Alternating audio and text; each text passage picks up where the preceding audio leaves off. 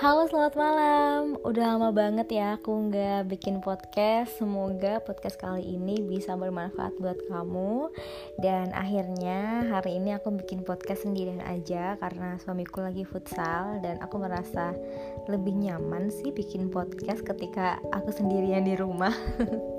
Malu soalnya kalau didengerin orang kan.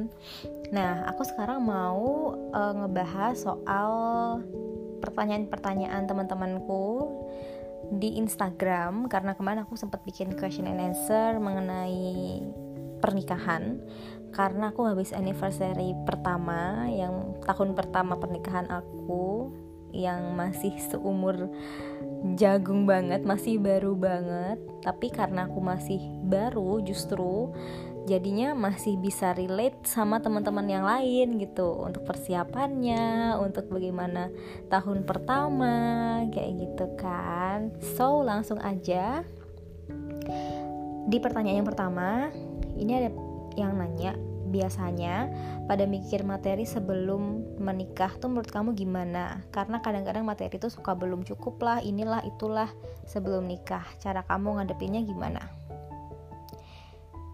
Kalau itu sih kata orang ya nikah aja dulu nanti habis nikah pasti ada aja rezekinya.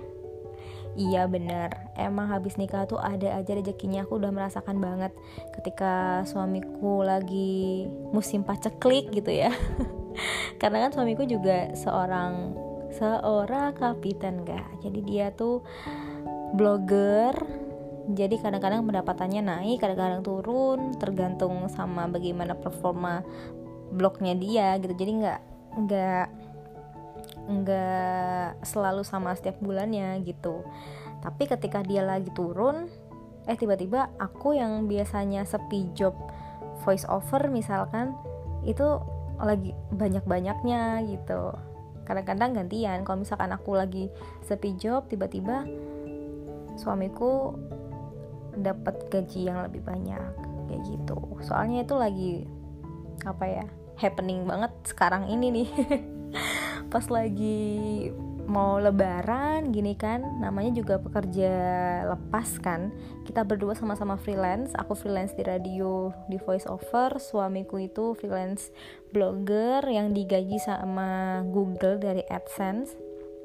Dan kalau misalkan AdSense-nya bermasalah ya nggak bisa apa-apa karena kita ngikut sama kebijakan Google-nya kan Nah gitu, ketika semua orang ngomongin soal THR lah, mau dibelanjain apalah THR-nya, mau beli mau beli ini beli itu, sedangkan kita berdua yang sama-sama freelance kita nggak pernah mendapatkan yang namanya THR.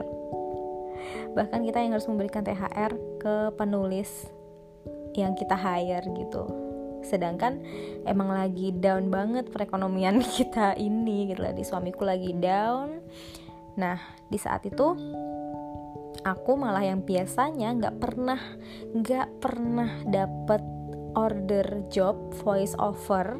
Voice over tuh yang ngisi apa ya suara di video-video gitu. Misalkan ada iklan ada dubbingnya. Nah kayak gitulah ngedubbing gitu. Itu bulan ini ketika suami aku lagi down itu bener-bener voice over tuh langsung rentet jebret gitu. Langsung banyak banget. Tiba-tiba langsung ada 8 project yang aku kerjakan. Yang itu lumayan banget alhamdulillah bisa nge-cover untuk sebulan gitu. Jadi ya emang bener kalau habis nikah tuh rezeki tuh dari mana aja tuh? Entah deh percaya aja. Rasanya tuh duit tuh nggak bakal cukup tapi kalau kita bersyukur entah gimana caranya tuh semuanya cukup untuk meng- menutup segala lubang-lubang karena rezeki dari Allah itu selalu cukup untuk hidup tapi nggak cukup untuk memenuhi gaya hidup. Wih deh gadis. Yang lagi versi Ramadan ya. Tapi kalau misalkan mau nikah saran aku sih tetap harus hitung-hitungan dari awal. Kita buka finansial masing-masing jadi kita bisa menentukan tuh nikah tuh mampu punya apa mampu gimana gitu? Apakah kita mampu ngontrak atau bisa nabungkah atau investasi atau uang bulanannya tuh kira-kira berapa sumbernya dari mana gitu? Karena um, sekarang tuh udah hal yang biasa ya kalau cewek itu punya gaji yang lebih tinggi daripada cowok kadang-kadang menjadi masalah. Tapi sebenarnya itu udah hal yang biasa buat sekarang gitu. Jadi kita tetap perhitungan sih walaupun rasanya kayak gimana ya masih malu-malu kali ya nanya sama pasangan soal gimana aset hutang pendapatan. Tapi itu menurutku penting banget sih apalagi cewek kan. Kita bakalan jadi menteri keuangan keluarga. Jadi harus wajib tahu dulu kondisi keuangannya baru kita susun rencana. Gimana habis nikah apakah kita bisa ngontrak? Atau mau tinggal sama orang orang tua dulu? Atau dia udah punya rumah sendiri gitu ya Tuh, abis itu gimana uang bulanannya, dana kesehatan buat BPJS tiap bulan. Paling enggak kalau kelas 2 ya 50 ribu kan. Terus apa lagi? Dana investasi nabung bensin pulsa listrik speedy dana darurat. Uh banyak pokoknya. Itu memang harus direncanakan dari awal dan dihitung-hitung. Kalau misalkan gaji dia 3 juta terus gaji aku 2 juta berarti per bulan kita bakal dapat 5 juta. Kira-kira 5 juta itu bisa nggak buat nabung? Bisa nggak buat ngontrak? Karena yang namanya ngontrak kan kita bayarnya per tahun ya. Contohnya aja nih di Jogja aku tuh ngontrak di Bantul. Bantul itu ya luar dari Jogja lah. Maksudnya agak-agak ke selatan gitu dan agak-agak dan lumayan jauh dari kota itu udah nyampe angka 16 juta per tahun kalau di perumahan sih kalau enggak ya kira-kira 10 sampai 15 juta lah. Nah kalau misalkan kayak gitu kan harus harus ditakar dari awal ya. Harus disisihkan uangnya dari awal karena nggak mungkin kan kita tiba-tiba punya jebret 16 juta langsung kita bisa buat bayar kontrakan di tahun depan. Ya mungkin aja sih tapi kemungkinan kecil nggak sih? Jadi tetap kita harus punya preventif untuk menyiapkan dana kontrakan untuk tahun depan. Ya udah misalkan 16 juta berarti per bulan harus siapin berapa tuh? Kalau satu tahun ada 12 ya sekitar satu setengah juta deh. Nah tadi balik lagi kalau misalkan gaji kita berdua digabungkan jadi 5 juta terus kontrakannya satu setengah juta berarti kita masih punya uang berapa? Tiga setengah juta. Kira-kira untuk hidup bersama tiga setengah juta itu udah cukup belum buat um, makan, buat minum, ya apa aja sih yang tadi aku sebutin kan. Gimana? Udah cukup belum? Kalau misalkan belum cukup ternyata wah, belum cukup nih. Gimana nih lanjut nikah apa enggak? Ya lanjut dong. Karena yang mau menikah, kalau misalkan mau nikah itu yang diutamakan tuh mencari solusi. Jangan nyari alasan untuk membatalkan ataupun untuk mundur ataupun untuk gak jadi gitu loh kalau misalkan ternyata nggak cukup ya cari solusinya. Gimana? Apakah usaha? Atau mau jualan? Atau mau kantoran? Atau mau minta naik gaji apa gimana gitu. Kalau emang cinta itu pasti kalian mencari solusi bukan alibi. Gitu. Oke lanjut pertanyaan kedua. Ada yang nanya, kenapa sih bisa yakin sama dia padahal dekatnya belum lama dan apa yang berubah setelah menikah? Nah, ceritanya emang aku tuh kenal sama suamiku ini dulu tuh nggak lama. Padahal sebelumnya aku pernah nik nikah lagi. Pernah pacaran kurang lebih empat tahun dan ya udah putus gitu aja gara-gara dia pengen pacaran sama cewek lain. Oke. Okay. dan putus gitu aja gitu. Nah sedangkan sama Mas Wisnu ini suamiku kita tuh baru kenal sekitar berapa ya? Dua bulan. Dia langsung datang ke rumah buat ngelamar. Dan itu bener-bener yang habis aku wisuda itu langsung lamaran. Habis lamaran langsung persiapan nikah.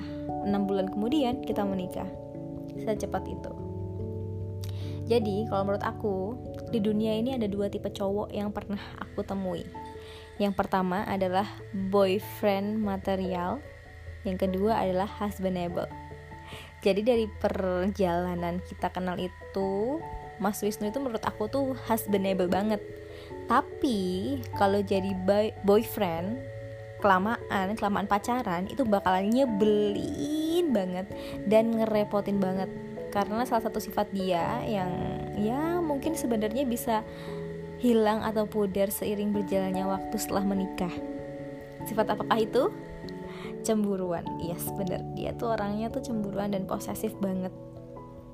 Dan bener ketika kita setelah menikah cemburuannya dia tuh semakin memudar semakin dia semakin lebih santai lah yang tadinya posesif banget ya sekarang udah lebih santai lagi. Karena sudah bener-bener saling percaya dan kita kan 24 hour selalu ketemu ya selalu bersama selalu ketemu. Handphone juga silahkan aja kita juga kayak buka-bukaan aja terbuka sama semuanya gitu loh. Jadi ya udah nggak ada yang dikhawatirkan lagi gitu. Sedangkan kalau misalkan orang pacaran tuh kan khawatir mungkin ya gimana gimana nya apalagi dulu suamiku ini pernah punya masalah sama mantannya yang selingkuh berkali-kali dan dia gerbek dengan mata kepalanya sendiri itu mungkin menjadi trauma dia yang ya trauma dia lah ya. Jadinya waktu pacaran sama aku jadi yang ke bawah gitu. Tapi untungnya ya itu tadi kita langsung nikah aja. Karena kalau pacaran tuh kayaknya aku nggak bakalan kuat nih sama orang posesif yakin deh. Karena kalau pacaran aku juga yakin kita nggak bakalan kalau pacaran lama-lama ya nggak bakalan nyampe jenjang pernikahan. Soalnya pasti bakalan kebanyakan ini itu kebanyakan berantem kebanyakan ngambek-ngambek gitu. Tapi ketika udah nikah gini semuanya alhamdulillah lebih dimudahkan lebih santai gitu. Terus yang berubah apa ya yang berubah ya? Namanya orang pacaran. Dia tuh uh, menjadi lelaki yang sangat kuinginkan dan aku pun menjadi wanita yang sangat dia inginkan namanya juga lagi penjajakan ya kan dikasih bagus-bagusnya. Tapi kita juga tetap tahu sih gimana jelek-jeleknya. Cuman yang paling major banget yang paling apa ya kerasa banget itu pas pacaran tuh dia nggak jahil. Sama sekali nggak jahil. Jadi yang kayak ya udah santai anteng. Jahil tuh paling apa sih toel toel nggak jelas lah pokoknya nggak jahil lah bisa di bisa dikatakan dia tuh nggak jahil sama sekali kalem lah. Nah abis nikah buset dia tuh orangnya usil banget parah. Istighfar terus lah ya tiap hari tuh. Bener-bener dia tuh usil banget parah. Makanya waktu pacaran dulu pernah kakaknya tuh bilang sama aku gimana dek? Kamu kuat nih sama ini sama adekku. Dia orangnya usil banget gitu. Padahal aku nggak ngerasa dia usil sama sekali. Eh dan ternyata habis menikah dia tuh orangnya usil parah.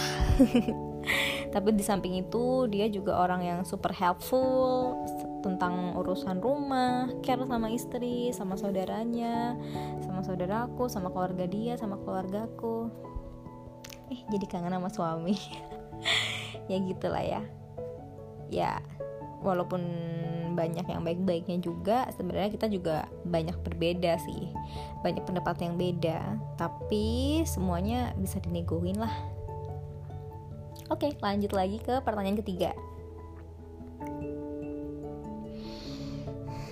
Hmm, apa daya tarik terbesar kak gadis ke Miswa ke suami ya mungkin daya tarik suamiku kali ya kenapa aku jadi langsung yakin dan suka sama dia. Yang pertama tuh biasa sih karena dia lebih tua. Iya uh, secara harafiah tua umur secara umur dia itu lebih lima tahun lebih tua daripada aku. Tapi dia juga dewasa hmm, lebih bisa berpikir dewasa habis itu kita juga punya logika yang satu frekuensi gitu. Walaupun ya beberapa hal harus ada yang ngalah sih. Tapi logika kita sama sih. Maksudnya soal apa yang benar apa yang salah tuh kita satu frekuensi. Ya walaupun kadang-kadang juga tetap ada yang beda ya tadi tapi tetap bisa dinegokan. Sama apa ya? Sama mas tuh rasanya tuh kayak punya teman ngobrol santai punya kakak yang bisa memanjakan walaupun kalau udah ngatur itu bisa kayak bapak-bapak bisa kayak emak-emak lah pokoknya kan. Tapi dia juga bisa diajakin nyinyir ala ibu-ibu kompleks. Ya pokoknya lengkap lah karena dia bisa menjadi apa pun yang kuinginkan gitu jadi oke. Okay. he's the one. Karena sebenarnya ya kita tuh pasti punya tipe cowok yang kita suka atau tipe cewek yang kita pinginin. Tapi once you found the one bisa aja semua kriteria cowok versi kamu itu buyar. And you will blindly decide that he's the one. Itu tuh kayak lagunya yang Jonas Jonas Jonas Brother. Sucker judulnya tuh. I'm a sucker for you and you're making the typical me break my typical rules. Ya gitulah. Kamu tuh ngebuat tipikal ideal cowok yang aku mau itu jadi buyar aja. Gitulah pokoknya. Ya begitu. Lalu selanjutnya adalah uh, beda berapa tahun mbak dan golongan darah mbak dan mas apa nih? Waduh hari gini masih nanyain golongan darah aja. Beda umur tadi lima tahun. Golongan darah kita adalah nasi kuah padang giwangan. Kebalik kuah nasi padang giwangan guys. Itu enak banget gila. Itu udah jadi darah daging kita lah. Darah kita adalah nasi kuah padang. Daging kita adalah rendang. Udah itu. Nggak ada obatnya. Terus apa lagi ya tadi ya aku cek dulu. Oke okay. bedanya boyfriend sama husbandable tuh gimana? Oke okay bedanya boyfriend material ini versiku ya versiku aja. Boyfriend material itu orangnya asik tapi ngajaknya main terus. Jarang yang namanya ngajak belajar ngajak usaha ngajak susah bareng apalagi itu jarang banget. Dia tuh asik banget tapi ya tiap hari ngajakin yuk main ke sini yuk yuk makan ini yuk yuk makan itu yuk yuk nonton. Emang bahagia sih tiap hari seneng sih. Tapi what's the point? Kita nggak ada sesuatu yang bertumbuh dalam diri kita karena setiap hari selalu dimanjakan. Kurang lebih gitu. Terus misalkan lagi hmm, boyfriend material tuh fisiknya oke okay, oke okay banget. Kita banget suka banget kan? Tapi kadang-kadang kita kurang cocok sama attitude-nya dan kita tuh yang kayak blind aja. Kita suka sama dia karena fisiknya yang ganteng. Padahal kita sebenarnya nggak cocok sama attitude-nya. Tapi kita tetap jalan sama dia. Karena dia ganteng asik gitu dibawa datang ke mana-mana ke kondangan dikenalin temen terus rasanya bangga. Terus ada lagi misalkan nih boyfriend kamu tuh penyayang. Tapi saking sayangnya dia tuh lebih sayang sama kita daripada keluarganya sendiri ya mungkin kita senang-senang aja ya lebih disayang. Tapi apakah menurut kamu sayang sama pacar itu sayang sama pacar melebihi sayang sama keluarga itu baik dan benar? Coba nanti kamu punya anak dan anak kamu tuh lebih sayang sama pacarnya daripada sama emaknya. Gimana perasaan kamu? Oke lanjut aja ya. Yang selanjutnya kelihatan kaya tapi semua itu punya orang tuanya. Duit masih minta tanpa mau usaha buat mandiri. Nah itu tuh banyak kayak gitu tuh. Udah ganteng, care Ya kan? Terus dia juga kaya Tapi semuanya duit orang tuanya. Dan dia gak mau usaha buat Ya bikin uang sendiri Buat make money. Dia cuman minta, minta, minta gitu. Ya kita mah paling seneng-seneng aja ya Ditraktir terus. Tapi ya gimana masa depan kita men? Kalau dia bisanya cuma minta tanpa bisa usaha. Gak bisa, gak bisa. Yang terakhir si cowok ini mungkin bisa bikin bahagia terus tapi nggak ngasih kepastian. Selain ya udah pacaran dulu aja. Jalanin dulu aja. Ya terus gimana? Kalau di umur umurku yang sekarang nih umur umur 24 25 itu tuh udah bukan udah bukan masanya lagi buat yaudah jalan dulu pacaran dulu happy happy dulu nikahnya nanti. No. Kita udah mikir ke depan gitu loh. Kayak oke okay, aku pacaran sama kamu. Kira-kira aku akan wasting time gak ya pacaran sama kamu? Kalau misalkan dia sebenarnya orangnya nggak worth it untuk menikahi ya ngapain kita pacarin gitu loh. Walaupun dia kelihatannya menyenangkan macem-macem bla bla bla tapi kalau misalkan endingnya itu cuman buat membuat kita wasting time dan akhirnya nggak sama dia harus menjalin hubungan yang baru lagi sama orang lain lagi. Oh my god itu tuh ngulang circle dari awal lagi tuh lelah loh. Capek. Dan menurut aku sih no no big no. Gitu. Ya itu tadi sih boyfriend material versiku.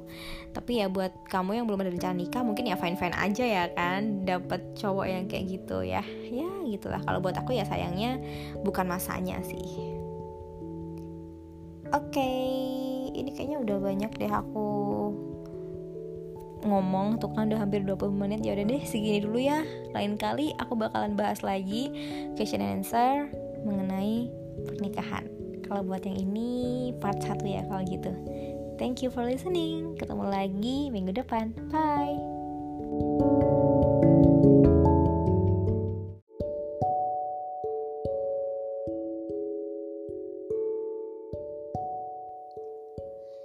Selamat malam, ketemu lagi sama aku Gadis Rafida. Dan aku Wisnu. Dan malam hari ini kita bakalan ngobrol soal hal yang agak serius Tapi kita ngobrolnya santai aja. Karena kemarin setelah kita nikah Kita nikah berapa bulan yang lalu sih? Lima. 5 Mei itu berarti 5 bulan yang lalu. 4 bulan. Ya 5 Lima. bulan, Lima bulan yang Kita nikahnya itu sama bareng itu loh Siapa sih si artis itu? Tasya Farah kok Tasya Farasya dia artis YouTube bukan? Sama kayak sama ini loh. Siapa? Raisa. Ih Eh, bukan. Lucinta. Luna. Ya Allah. Siapa sih Lucinta Luna? Kenal ya pak ya? Follow ya? Ya gitulah lupa aku jadinya. Udahlah nggak usah dibahas. Yang jelas kita mau ngobrolin soal gimana sih eh, nikah dengan dirayakan dan tidak dirayakan kemarin tuh banyak banget yang nanya jadi sama kayak, aku eh, Pentingnya perayaan pernikahan mungkin ya. Iya, iya resepsi pernikahan ya yang Ya. lebih familiar ya. Soal resepsi pernikahan. Jadi kemarin juga banyak banget sih teman-temanku Hmm, karena teman-teman seumurku, sepantaranku kan masih dikit yang nikah. Dan aku kemarin nikah duluan. Umur 23. Sama siapa bu? Ya, sama lu, Kak. Oh iya. Masa gue menikahi diri sendiri? Gimana coba? Membuahi diri sendiri juga berarti. Eh udah lanjut lagi. Terus Banyak yang pada nanya Kalau misalkan eh, Resepsi itu gimana sih? Persiapannya gimana? Kayaknya ribet banget. Kamu stres nggak? Habis itu Pembagian Gimana sih? Hitung-hitungannya, Hitung-hitungannya biayanya Biaya dari cowoknya tuh berapa, ceweknya berapa. Aduh, pokoknya macam-macam banyak banget. Tapi yang jelas kita nggak akan ngomongin soal teknisnya, nggak akan ngomongin soal biayanya ataupun prosesinya. Itu ntar aja deh. Yang jelas kita mau ngomongin soal esensinya ada resepsi pernikahan. Dan karena ini dua sudut pandang. Oh iya, sekarang nama podcast kita adalah dua Sudut pandang dua lipa.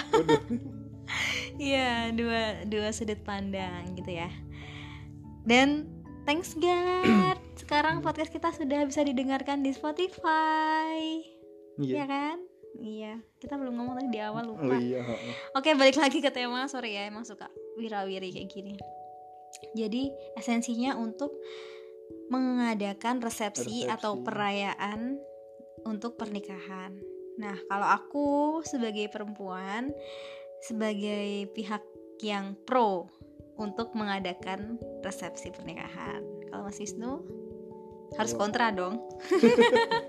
Ya kan Harus kita banget dua, kontra. kita kan dua sudut pandang. Ya, Kalau sudut pandang kan bisa aja sama tapi melihatnya dengan cara yang Oh berbeda. ya udah, kalau aku sih, kalau aku yang jelas karena eh, perayaan pernikahan itu sekali seumur hidup.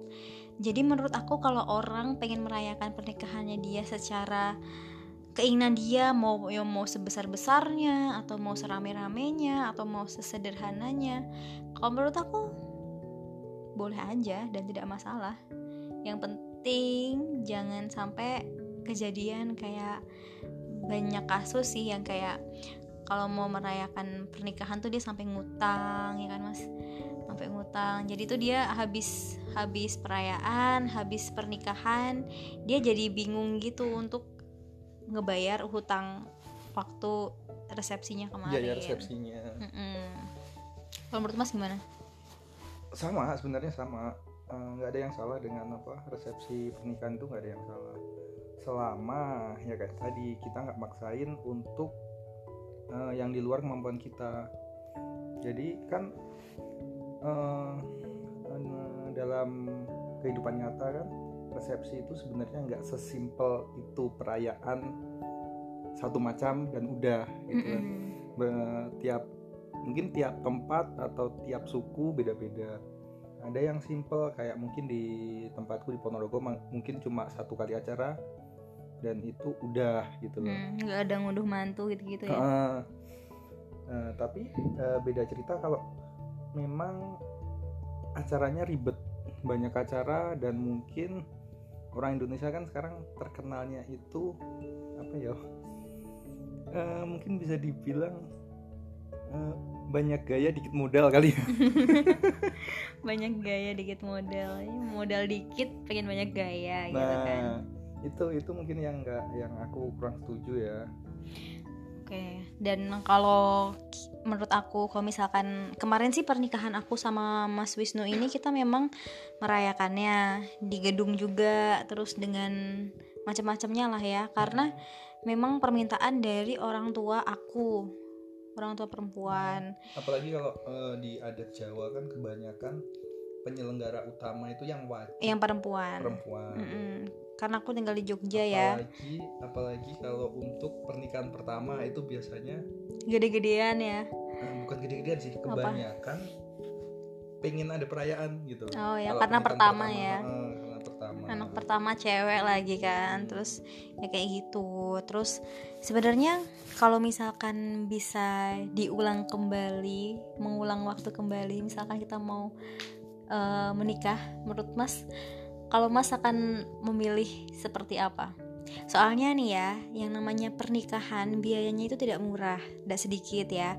Paling enggak itu kemarin aku 500 undangan ya mas ya? 500 undangan. 500 undangan Lebih, berarti 700 oh masa sih? 700 ah, 700 Iya, jadinya tuh total orangnya berarti sekitar 1200 ya. 1400 Iya, ya 1400. Udah malam nih guys, kita tuh rekaman tuh selalu jam 11, jadi setengah 12.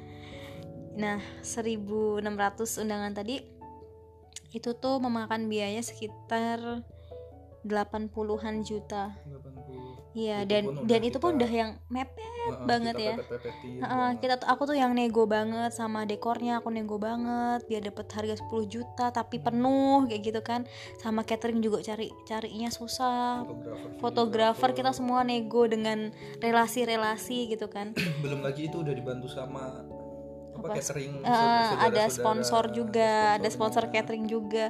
Pokoknya kita tuh bener-bener yang mempres banget buat orang sebanyak itu cuman mengeluarkan 80 juta. Itu bisa aku bilang cuma 80 juta karena memang itu murah untuk murah. ukuran segitu. Tapi memang prakteknya dana yang digunakan tidak 80 juta tapi 100 juta lebih.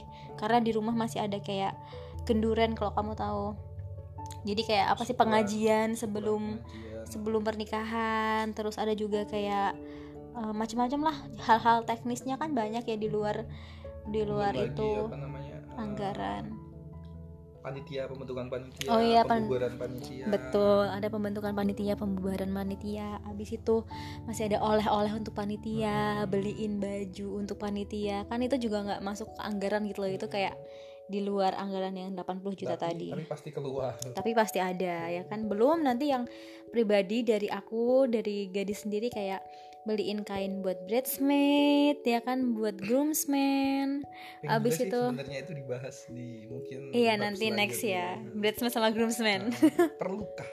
Perlukah bridesmaid dan groomsmen gitu ya?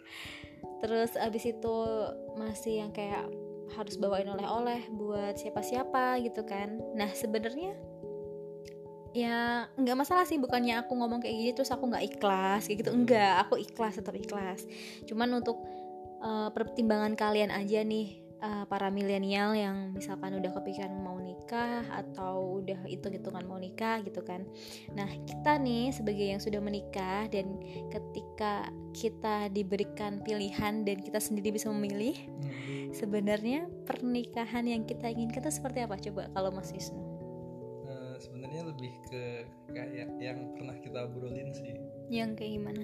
Jadi kayak garden eh, gitu. garden party. Soalnya kan kebanyakan orang menikah eh, undangan untuk resepsi itu kebanyakan pasti teman-teman orang tua. orang tua. Itu Iya mungkin 80% atau bahkan 90% ya. Mm-mm, tapi menurutku nggak apa-apa loh karena karena gini karena memang orang tua yang membiayai Nah, ya kan? gini. jadi mereka jadi gini. memiliki hak untuk uh, mengundang teman-temannya. Mungkin kayak gitu kan nih kali ya? Eh, kalau Nah. kalau kalau dari aku kan kan tadi ditanya eh, yang dipengenin gimana Mm-mm. gitu kan kalau yang dipengen gimana kalau untuk resepsi pengennya nggak ikut campur Hmm. jadi biar semuanya diurus orang tua pengennya ya Mm-mm. diurus orang tua tapi eh, dari pihak aku sendiri ngadain semacam kayak garden party gitu buat Hmm. temen-temen deket berarti ini dua acara tuh dua acara tapi kalau yang garden party mungkin yang hadir cuma orang tua Hmm, nggak pakai saudara-saudara. Saudara-saudara yang paling deket yang ada di kota aja gitu loh. Jadi nggak nggak mewajibkan mereka buat datang. Soalnya kan udah ada acara di rumah. Mm-mm. kayak gitu. Jadi apa ya aku tuh pengennya kalau nikah tuh sebenarnya lebih eh, ngumpul-ngumpul sama temen ngobrol bisa ngobrol bentar-bentar. Terus nggak cuma salaman nggak gitu cuma ya? salaman. Soalnya kan dalam prakteknya kemarin kita kamu coba bentar banget ya. Eh, dan di atas pun mungkin cuma dibatasin waktu karena satu memang, menit gitu doang karena memang dari nyampe pihak malah. apa WO-nya itu juga mereka dipres oleh eh, waktu, waktu. gitu loh. durasi lah ya kita. Heeh. jadi teman-teman kita tuh kalau misalkan waktu main resepsi tuh baru naik ngobrol bentar doang itu sampai udah- satu menit oh nggak nyampe cuma beberapa detik doang udah langsung sama wo nya ayo ayo eh, ayo jalan-jalan gitu Hmm, sampai kita tuh gitu. teman-teman kita tuh mau selfie aja susah gitu loh Ah. karena memang eh, apa sih harus waktunya tuh dikit gitu cuma dua jam Hmm. doang kan resepsinya kayak gitu kurang luasa lah yang jelas kalau aku sih kalau misalkan bisa memilih untuk resepsinya itu kalau aku ya daripada uang 100 juta itu untuk resepsi mendingan 100 juta itu untuk model nikah eh model kehidupan setelah pernikahan. Kayak Memang- gitu memang kalau aku sih. faktanya, faktanya eh, untuk biaya hidup setelah nikah itu memang besar itu apalagi gede guys dan kecuali pusing loh kecuali mikirinnya. buat kamu yang sudah punya rumah sendiri Iya, misalkan kamu kalau misalkan habis nikah nih masih bareng sama orang tua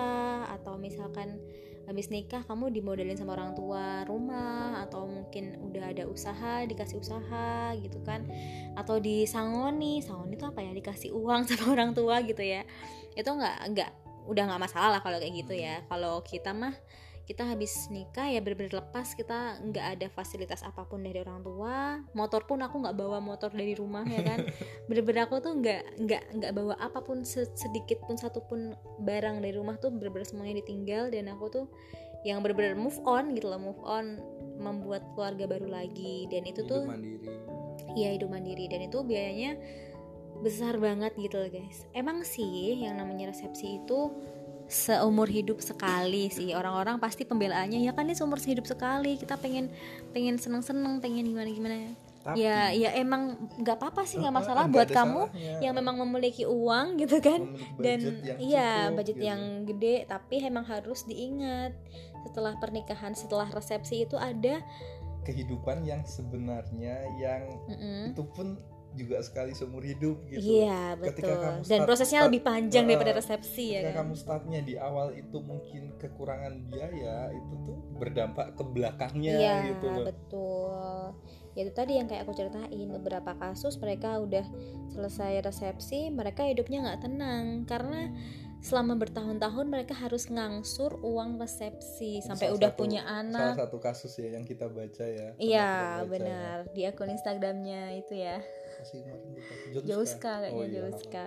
Gitu. Jadi sampai dia udah punya anak, udah punya cucu kali ya dia masih masih apa ya nyicil uang resepsinya dia dulu gitu loh karena emang jor-joran jadi itu aja sih harus harus apa ya Kamu diperhitungkan lagi jangan sampai uang resepsi itu ngutang atau misalkan ada juga yang mikir kan nanti uangnya balik lagi dari sumbangan. itu itu, itu yang- sebenarnya buat- mindset yang kurang Ah, baik ya. jadi jadi kalau kalau bisa itu jangan sekali-kali meng, mengandalkan. Menga- mengandalkan uang sumbangan gitu. Jadi kalau mau dihitung takutnya sakit hati Ah, nanti kalau nggak sesuai ekspektasi. soalnya beberapa kasus ya yang diharapkan segini dapatnya segini gitu Iya, loh undangannya heeh. segini dapatnya segini kayak Mm-mm. gitu.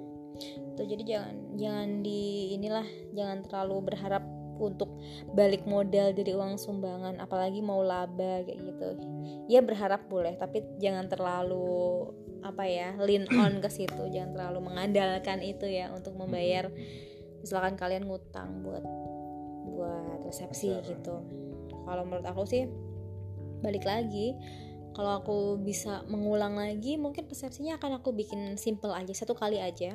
Simple aja dan aku cuma mau eh, ngundang teman-teman terdekat aku saudara keluarga terdekat saudara dekat terus yang ya yang deket-deket aja gitu. Terus habis itu yang acaranya tuh yang lebih cair yang kita bisa ngobrol sama guestnya Hmm. gitu kan. Itu menurut aku akan lebih berkesan sih ke belakang ke belakang pun.